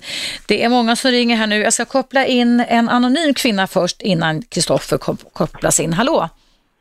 Ja, hej. Hej, välkommen. Ehm, tack så mycket. Ehm, jo, jag tänkte det här med drömmar och så. Jag tror att alla människor på något sätt har någonting, eh, inte alla men de många har någonting som de, ja, något mål i livet eller nå- något, någon dröm som de aldrig kunnat eh, förverkliga liksom. Ehm, men i, i, jag själv har drömmar och så jag, vissa av dem vet jag eh, att det är ju väldigt svårt att nå dem. Men det är, jag tycker att det är, man kan byta, man, man kan eh, skapa någonting annat eh, som är möjligt att göra istället. Mm. Har du gjort det? Ja, det har jag gjort. Har du lust att berätta vad du har gjort? Ja, ehm, ja, jag drömmer om att bli skådespelare. Ja. Och så, eh, jag vet att det är svårt på grund av att, ehm, ja, många olika skäl. Mm. Eh, jag måste kanske börja utbilda mig i det. Mm. Jag måste, mm, och sen det här med att jag, är, jag har utländsk bakgrund så det är svårare. Jag Mm. försökte med det men ehm, det gick inte så bra. Nej, nej. Så det, man, man, kan, man kan ha någonting annat att fokus- fokusera på istället för att bli ledsen. Mm. Hur, hur, hur gjorde du då? Ja, vad gjorde jag? Eh, inte så, in, jag gjorde inte någonting mot det här men däremot har jag fokuserat på att göra annat, att lära mig musik och sånt. Okej, hitta, hitta nya, nya Ja. mål, nya utmaningar helt enkelt, det är det du säger? Exakt. Ja. Ja, så um, sen tänkte jag prata om uh, någonting som jag tror att vissa drömmar går inte att, att förverkliga och det handlar om uh, familj till exempel. Mm. Eh, för du, du, du kan inte skapa familj åt dig själv. Du, kan, du kanske kan eh, hitta ny partner och så. Mm. Men om du inte haft kärleken eh, i din egen familj från en pappa och mamma Mm. och så, eh, så, så, så finns det en brist där och det, mm, ja, det, det kan du ju inte, det, det spelar, du kan inte skapa det. Mm. Mm. Du kan inte skapa en... Jag, jag har liksom har eh, bra kontakt med vissa äldre eh, människor som um, jag umgås med. Mm. Eh, och så. Och jag mår så bra av det för att jag känner på något sätt att de fyller någon eh, Funktion för dig? Eller? Ja. funktion Mm. i, i mitt liv, eh, även om de inte vet om det. De, de vet inte om varför jag tycker om dem. Nej, nej, nej. Så att vad du säger det är att du, man kan realisera det man inte hör, det kan man realisera men man måste vara lite aktiv själv. Att söka upp det som man inte har fått så att säga, eller som man tycker sig behöva. Det är det du vill säga. Ja, att man inte stannar utan man Nej. försöker hitta någonting Man går vidare liksom och letar. Ja, just det, precis. Har, har du sett Mot alla odds på TV? Nej, det har jag inte gjort. Jag tror förra året då har Ja, när de vandrade i Afrika, ja. ja, jag tyckte det var väldigt tufft och Ja. jätteduktigt. Det är väldigt Ja, tufft den här säsongen också kan jag säga, som det såg ut på TV Ja. igår i alla fall. Titta gärna på reprisen om du kan, för det var en Ja, det oerhörd, Jag utmaning. Ja. Du, tack så jättemycket för dina synpunkter kring Tack det här att kunna komma igen. Hej då så länge, hej! Ja, hej, hej. Eh, nu ska vi prata med Kristoffer som fick vänta lite. Hallå Kristoffer, är du kvar? Ja, men hallå Eva. Hej, välkommen! Tack så hemskt mycket. Eh, jag, har, jag är lite inne på det här spåret att få drömmarna krossade hårt. Mm. Och eh, det baserar sig väl lite på av att eh, jag går runt, jag, jag studerar revolutionen och eh, läser ganska mycket. Sen, sen hör man dig snacka på radion om evolutionen och det känns verkligen som att du inte förstår den. Mm, mm, När du, när du talar till människor mm. Du snackade med någon snubbe, jag, jag kommer, minns inte om han hette Ali exempel, till exempel. Ja, jag, kommer inte, jag pratar med så många så jag kommer inte ihåg vilka jag pratar med. Men vad, Eh, vad, hade ville... Ja? Du, hade, du sa att eh, eh, du, du höll med honom i att det inte var konstigt att eh, kvinnor ger ut sin telefonlista till eh, sina män. Vilket Mm, ja, jag jag kan- tycker, alltså, då fick jag mina drömmar krossade, Eva. Okej, Jag kommer inte ihåg det samtalet överhuvudtaget faktiskt, eh, så jag kan inte svara dig på Det det. var någon månad sedan, men tycker Ja. du att en eh, kvinna ska lämna ut sina telefonlistor i någon form av bevis för att eh, hennes man inte ska bli arg? Nej, det tycker jag inte man ska göra. Nej, Du håller alltså absolut inte med om att man ska lämna ut sina Nej det, vad ska man göra det för? Nej, absolut inte. Vad ska man göra det för?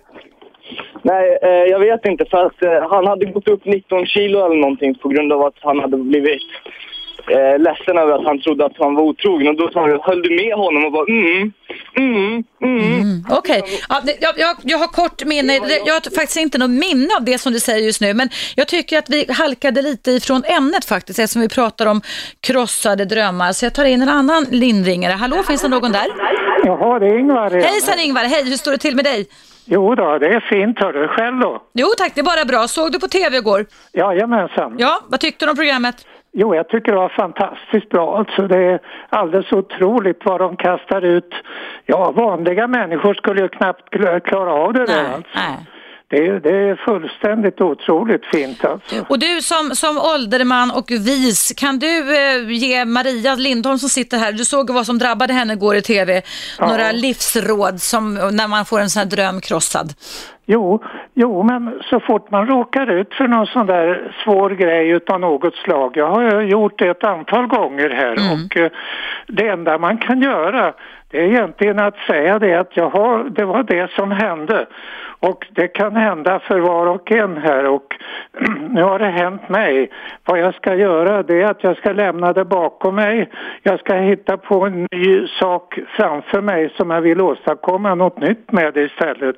Det är ju det som är det viktiga alltså här. Att släpp, Eh, släppa det helt och hållet, det är det du säger Ing- Ingvar? Ja, precis. Ja. Alltså. Det, det, det måste man göra det för att det går inte att hålla på och suga på det där fram och tillbaka Nej. och fundera på hur man skulle kunna göra hit och dit alltså. Utan Nej, utan bara- gjo- gjort är gjort och sen punkt liksom och sen öppnar man inte upp det där något mer, det är så du säger? Exakt, det, Ja. måste, det måste alltså komma nya saker Mm. alltså. En, en ny, ny grej hon måste ge sig på istället här. Mm. Och det är precis vad jag har gjort i mitt liv alltså här.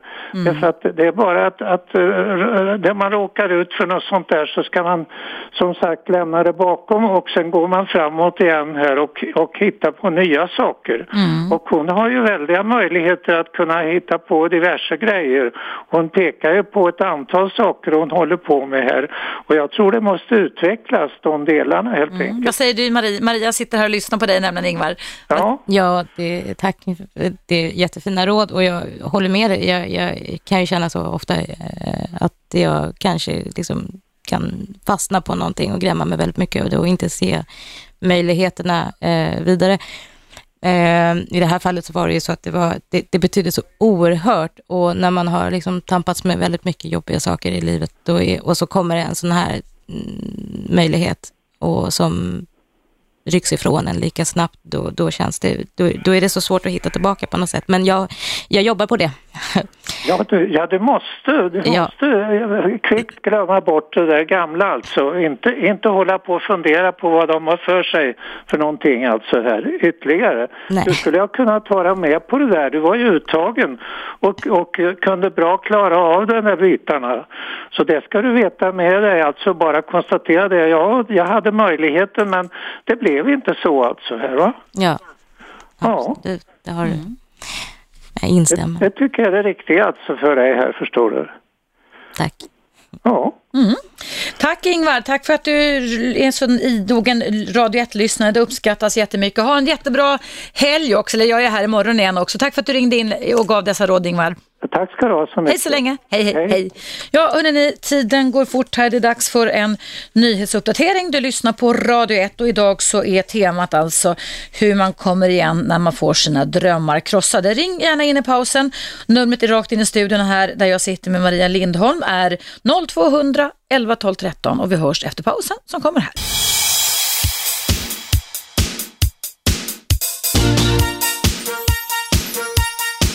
Radio 1. Eva Russ.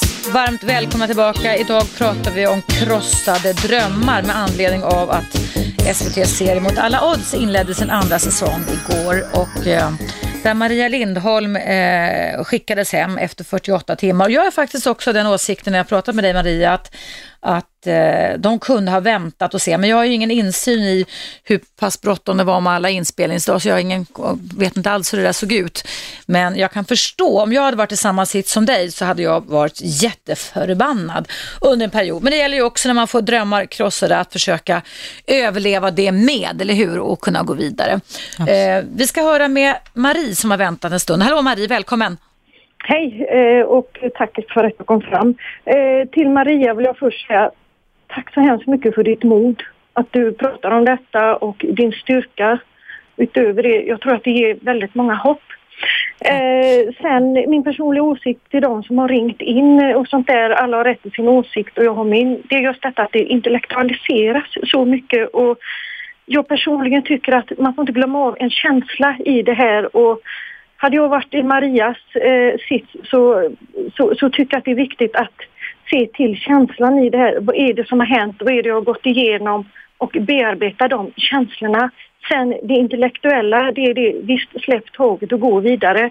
Men att bära med sig kanske en sorg, en eh, förbittring eller vad det nu än må vara, vad Maria än bär med sig känslomässigt, så får man inte glömma det. Att bita ihop och bara gå vidare, visst det är en sak, men att även se det som en enorm erfarenhet och den här erfarenheten försöka att lägga den på någonting annat. Ja. Det var min åsikt och uh, jag tycker detta är så fantastiskt att fått ha den förmånen, får jag väl säga, att få åka iväg på en sån här sak och sen kanske lite snopigt att få åka hem men en enorm sak som väldigt många inte får uppleva överhuvudtaget. Så bara där är det en första vinst. Sen inte att förglömma att det är ju även en sorg och en förlust att få åka därifrån. Det är en förhoppning och en förväntan som jag ser som Maria har haft. Mm. Och även få ta tag i det känslomässigt. Mm. Det är min åsikt. Tycker, vä- vänta Maria, jag ska fråga Maria, tycker du att du har tagit tag, det har gått fyra, fem månader någonting sånt där va? Mm. Sen detta hände. Har du tagit tag i det känslomässigt som Marie efterlyser? Alltså det, det, det finns ju där hela tiden. Jag bär med mig, med, med mig det hela tiden. Att eh, alltså, när jag tänker på det liksom så, då, så, så känns det ju väldigt jobbigt. Eh, men jag bearbetar ju samtidigt. Liksom, det har, liksom, accepterar att det, liksom, ja, ja, det, det har ju hänt. Så det, och det, Mm. det är liksom, det är precis som du säger, man måste ju gå vidare. Men känslan finns ju liksom att bitterheten, alltså en viss bitterhet Alltså eller be- besvikelse, det, det, liksom, det följer ju med. För jag menar, vore det liksom helt obetydelselöst så, så hade jag ju liksom bara, hade jag kunnat rycka på axlarna och, och bara, ja ja. Men Mm. det betyder ju väldigt mycket. Ju mer någonting betyder för en så, så är det ju, desto starkare reagerar man ju på det också. Liksom. Så att det, Mm. så, ja. Kan du identifiera det? Har du upplevt något liknande själv Marie? Eh, inte just i den händelsen, men eh, jag som person har ju haft väldigt mycket spruckna drömmar, eh, sorger, förluster och sånt där. Och det har jag burit med mig i min så kallade ryggsäck och det har varit väldigt tungt och jag har fått höra sån här eh, intellektualiserande saker som att bit ihop, gå vidare, stängs en dörr så öppnas någonting annat. Och Mm. Visst, det är ingenting som är fel i det, men att det här känslomässiga måste få ha ett samspel mellan eh, det här intellektet och känslan, att det liksom måste få, Mm. eh, få, li, få ta lika stor plats. För jag menar, vi är olika individer och mina känslor och mina åsikter, det begrundas ju på min livserfarenhet. Mm. Och om jag lyssnar då på Marias livserfarenhet, vad hon har fått utstå, det hon har fått gått igenom och sånt där och ändå kunna sitta i radion och prata om det här, det är en otrolig styrka. Och ett otroligt mod att försöka att även se det att det, det är liksom ingen svaghet att prata om sina känslor utan det är en enorm styrka. ja. Det är en styrka att våga visa sin svaghet. Att visa känslan i det här att jag är ledsen, jag är besviken, jag är förbannad, vad det än nu må vara. Va? För det är ju en känsla och det går att bära på känslor. Det går ut i kroppen och man blir sjuk. Mm. Så tror jag, det är min åsikt i alla fall. Och det är min erfarenhet också. Underbart, tack så jättemycket. Och ringer du, du lyssnar på oss via webben då i Göteborg eller? Absolut, jag har mina hörlurar och min mobil i fickan och lyssnar på dig så gott som varje dag. Åh, vad roligt att höra. Det var väldigt skoj att höra. Tack så hemskt mycket för det. Och tack, för dina råd till Maria också. mig. Ja, ja Ja, tack. jättestor kärlek till henne. Tack. Ja, Ska du ha. tack, tack, hej. hej då. Hej, hej. Ja, hur kändes det där då Maria? Ja, det var jättefint. Alltså, verkligen. Men Jag tar till mig allting. Och det, är- det, det är ju verkligen så, jag, det, det, har nästan, det är nästan som en tabu att inte kunna liksom, eller alltså att man inte pratar mycket om liksom hur känslor och sånt, hur man reagerar Mm. på olika saker och ting. Och det är inte fel. Och jag har väl inte, jag är väl så pass att jag kan liksom, göra det mer eller mindre. Men, ja. Mm. men det var jättefint, jag måste säga. Verkligen. Och du, om man nu ska blicka framåt den sista kvarten här på Radio 1 när du är med med Maria. Vad har du för drömmar du, ytterligare då som du vill ändå försöka satsa emot? Vi kan ju inte realisera allt vi drömmer om, men vi kan ändå försöka satsa, ha en vision om och liksom sätta upp lite konkreta målbilder i alla fall som man kan beta av. Har, har det dykt upp någonting nytt efter den här snöpliga sortin från TV? Mm. Ja, eller ja, alltså jag försöker att tänka så positivt som möjligt. eh, Mm. Och, och så. Det är bra. Det, Mm. det är väl, eh, alltså, jag har varit så hela tiden, att jag har låtit mitt, mitt eh, mm, så att säga, min kortväxthet, den har styrt mitt val av i, Mm. i livet hela tiden och gjort att jag har låtit mig eh, inte tagit mig för saker och ting för att jag Mm. har inte trott på mig själv och så. Och Mm. självkänsla och självförtroende har inte funnits där Nej. tillräckligt. Men i, med den här eh, mot alla odds nu som jag sagt, då kände jag liksom att nu, nu, nu, nu måste jag, nu, nu ska jag chansa och se och det stärkte mig oerhört. Mm.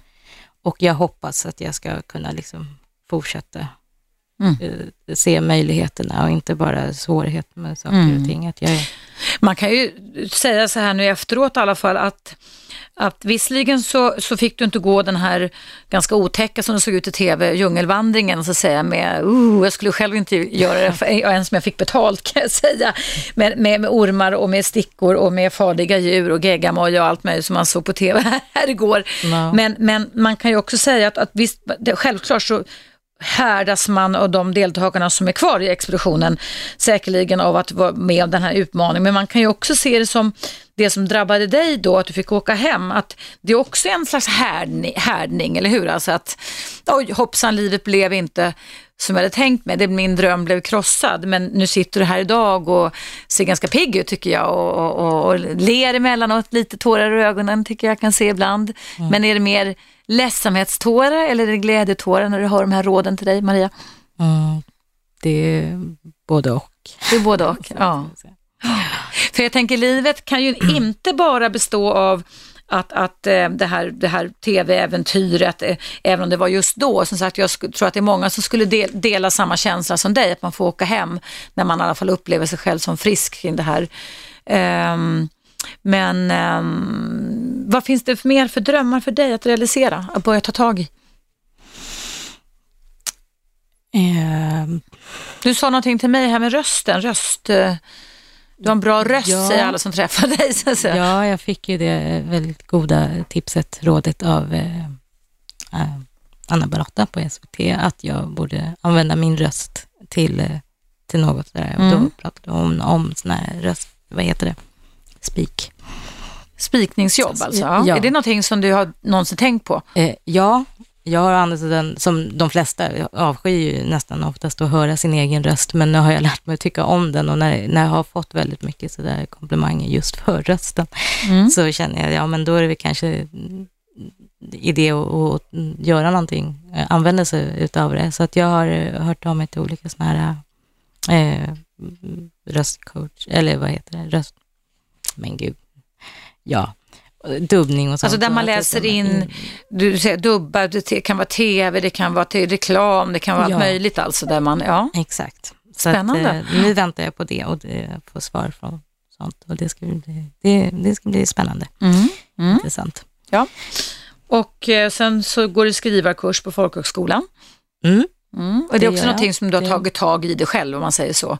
Att inte Ja, bara vänta på saker utan börja liksom styra in dig själv mot dina egna nya mål. ja, men jag gör ju det, jag försöker ju liksom, det är väl också ett sätt att liksom komma vidare, att man måste, jag måste ju ta tag i liksom, för att det ska hända något så måste man ju göra det själv, man kan ju inte sitta och, Nej. eller ligga och vänta på att det är någon Mm. annan som ska göra allting åt Mm. Mm. så är det inte. Mm. Så att, eh, mm. Nej, men min kreativa anda vill jag ju få utlopp för så mycket som möjligt. För det, är mycket, det är också ett sätt att eh, ja, dels, ja, uttrycka sig på olika sätt. Det är ju Mm. intressant. Mm. Okej. Ja, du, eh, det, tiden går fort här. Det är nämligen dags för en ny eh, reklampaus här på Radio 1. Och du som lyssnar är också varmt välkommen att ringa in som Marie och Ingvar och några stycken till gjorde här på 0200 11 12 13 till Radio 1. Där jag sitter med Maria Lindholm från Mot alla odds och pratar om hur man överlever när drömmar krossas. Numret är alltså 0200 11 12 13 och eh, du kan ringa in i pausen som kommer här.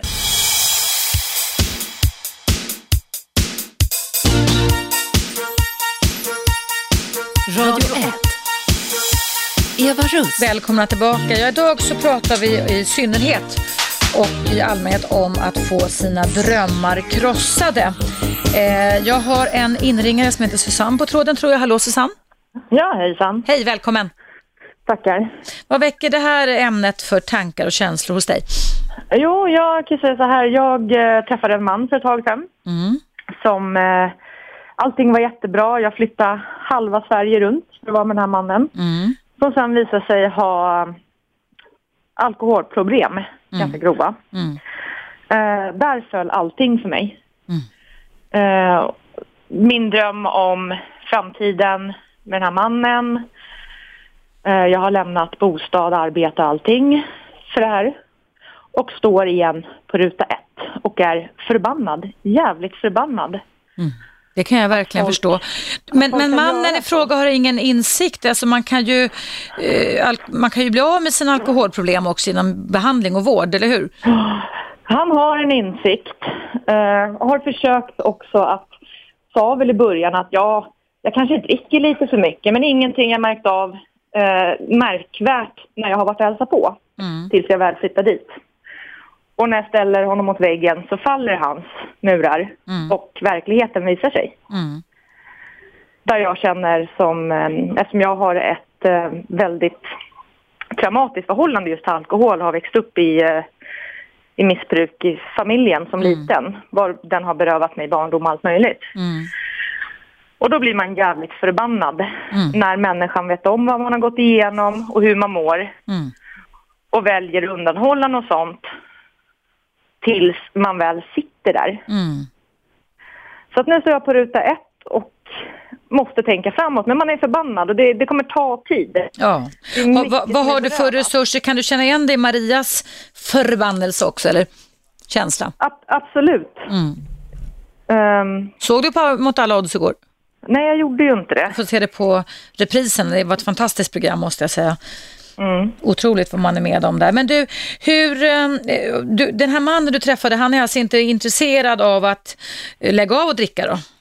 Ta vård Nej, alltså? han tyckte till förhållningssätt att jag kanske skulle lära mig hantera att han dricker för mycket. Jag sa att jag behöver inte lära mig hantera Nej. någonting när det gäller det. Nej. Utan det är du som har problemet och det kan jag inte hjälpa dig med. Mm, Men jag är förbannad att jag känner mig lurad. mm, Att man inte hade en öppen dialog innan. Mm. Där jag får göra valet. Är det här någonting jag klarar av? mm. Så att eh, det jag gör nu, det är dels att komma över det här att, men ändå försöka se framåt. Vad gör jag nu? Mm. Har du din bostad och så kvar nu då? Eller, eller har du att du blivit av med den också? Eller? Ja, så det börjar om från början. Det blev att flytta hem till nära och kära och börja om. Oj, hur gammal är du för att fråga? Jag är 34. Ja. ja, det är för jäkligt alltså. Men har du jobb och sånt eller? Det sa jag upp också. Allting för början, för att det var ju så pass, det är ju halva Sverige liksom. Det är Ja. långt uppåt. Oj då. Oj då, oj då. Men det låter ju som att den här arga känslan du har just nu på något vis ändå kommer bli en slags motor för dig, Susanne. Mm, ja, det är lite här, man är arg på sig själv att man eh, inte kanske hade varit mer öppen och tittat bättre samtidigt som man är arg för att man tycker att människor ska inte lura varandra på det Nej, sättet. nej.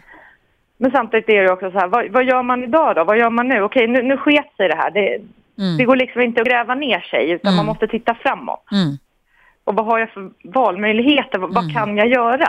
Men du, en, en tanke jag får när jag hör dig berätta om det här, eh, Susanne, det är då att, att var det så att det var en väldigt kort startsträcka för dig när du inledde den här relationen med mannen och gav upp, gav upp liksom ditt liv för att jämka ihop det med hans? Ja. Ja, för att det där, det där har jag själv drabbats av och jag har mött många klienter och vänner också för den delen som ibland när det går för fort, alltså man missar viktiga detaljer. Ibland kan det gå bra men många gånger så kan man tjäna på i relationslivet att ta det lite långsammare faktiskt så att man hinner utforska och ta reda på så mycket som möjligt. Speciellt jag tänker när du har haft de här varningsklockorna och är ganska eh, gripen av att eh, inte träffa någon person som har alkoholproblem igen så kan jag tänka just det här att han säger att han själv dricker lite för mycket, att det skulle kunna varit en, en varningsklocka kanske eller? Jo, men jag tror det. Att man, Mm. Nu man tittar efterhand så är det så här, jag borde ha sett eh, texterna, jag, jag borde ha förstått. Mm. Men just i den tanken så är det så jäkla lätt att gå upp i kärleken. Ja visst. och visst. drömmen Ja. om att allting kommer bli bra och att man kan bilda en framtid. Mm. med den här människan. Mm. Och den drömmen får jag ju, som sagt, den är ju Mm. ganska kasserad nu. Och då- då får man börja om och då får man skapa nya drömmar. Ja, och det, nya drömmar är väl då att försöka hitta ett jobb igen och någonstans att bo. Och det är ju ganska många saker som du har, ta, har tagit tag i, men att inte tappa tilltron och inte tappa hoppet om en bättre framtid och en bättre relation också. Mm. Så att det, det jag vill säga det är det att livet är jävligt surt ibland, men det är, man biter ihop och så kämpar man vidare. Mm. Mm. För det är det enda man kan göra. Mm. Vad säger du Maria? Det håller jag med om. Ja. Precis, ibland blir det inte som man har tänkt sig men man får lov att överleva det med. Det låter på dig som att du kommer att överleva detta också Susanne. Vi håller tummarna för dig att allting går vägen och ta längre tid på dig när du lär känna en ny man i framtiden. Det är ett bra tips. Tack snälla du, ha det jättebra så länge, så gott du kan ha i alla fall. Ja. Hej då, hej. Där försvann Susanne lite. Ja, det börjar lida mot sitt slut när jag pratar nu om krossade drömmar. Du Maria, eh, som har varit min gäst här idag, eh, finns det några återstående tankar, några mer tankar som du skulle vilja förmedla kring den här snöpliga sortin, tv-programmet Mot alla odds? Eh, nej men jag, jag tänker väl så att jag får, liksom, för, för att göra det bästa för mig, för egen del så får jag bara se till att gå vidare och hoppas på att jag, det finns, kommer andra chanser andra saker och ting. Men eh, Är det liksom att det var själva äventyret som var själva grejen?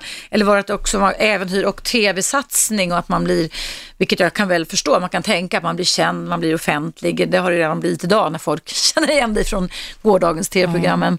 Ja, alltså den biten hade jag egentligen aldrig riktigt i tanke förrän vi Mm. var där. Då kom jag på och tänkte jag liksom, oj, ja just det, det är tv också. Mm. och det var ju, så att det var inte, absolut inte, det är inte min första främsta liksom, tanke med det hela, utan det var själva äventyret. Det var för att jag skulle känna, bevisa för mig själv att jag, att jag Mm. skulle mm, fixa en sån här grej. Mm. Och just att få lära, och, alltså bara den här att man skulle få lära känna, alltså vara så tätt intill Mm. helt främmande människor och leva, alltså det var så mycket, och djurlivet och naturen, alltså, Mm. få liksom en helt annan sida av livet som man inte är van Det vid. förstår jag verkligen. Det förstår jag verkligen. Men, men du, jag tänkte på, nu ska inte vi göra dig till elitgymnast som Lennart som ringde in här i första timmen, men det kan ju vara bra när man åker på en sån här upplevd smäll, i alla fall bakslag, att faktiskt ta det som en inledning. Okej, men vad kan jag göra själv? Precis som du var inne på tidigare Maria, eller hur? Finns det någonting du skulle vilja, något äventyrsprojekt? För det finns ju fullt av äventyrare och människor runt om på världen som gör saker själv, eller hur? Även om, så att du liksom tar det här som en nystart ändå på något sätt för en egen del. Ja, eh, faktiskt. Jag hade, eh, pitch, jag hade en idé med, med en vän som, som han är, eh, han hade en jättebra idé. Jag tyckte liksom att vi skulle pitcha på eh, som att jag skulle göra ett eget äventyr och bege Ja. mig ut med eh, Ja. På något sånt där. Varför inte det? Det kan ju Mm, vara värt att tänka va? Det, Ja. Och när du pratar om det Maria så ser du väldigt, väldigt mycket gladare ut. Du har sett glad ut men lite ledsen idag också. Det kan jag förstå för det är ju en mix av känslor det här Ja. som har inträffat. Du, hur tyckte du att det var kändes att komma hit idag och sitta och prata med mig här i två timmar? Det har känts eh, bra. Det var, ja. Nej. Det var det som var själva tanken, att man behöver få lätta på trycket lite när man är med om omvälvande saker. Eh, jag får tacka dig så jättemycket för att du gav mig förtroendet och ville vara med mig här idag och hoppa, önska dig fortsatt alltså lycka till verkligen nu med alla dina projekt. Du ska se att det kommer komma upp nya drömmar och de kommer inte krossas. Alla heller faktiskt. Eh, så är livet emellan. Och tack snälla Maria Lindholm. Och du som är nytillkommen lyssnare, om du vill lyssna på det här programmet i repris, som alltså handlar om krossade drömmar, det kommer då i repris klockan 19 19.00 varje vardag. Nu är det dags för mig att sluta här på Radio 1 för idag. Alldeles strax så kommer ett program som heter Best of Aschberg eh, mellan klockan 12 och 1 här. Så att om du är intresserad av att höra vad Robban tänker ta upp idag så tycker jag du ska stanna kvar. Därmed tackar jag för mig. Jag tackar alla ni som har lyssnat, alla ni som har ringt in och mejlat mig för idag och hoppas på återhörande imorgon klockan 10.00 igen. Tack för mig idag och ha en jättebra fortsatt dag. 101,9 Radio 1. Sveriges nya pratradio.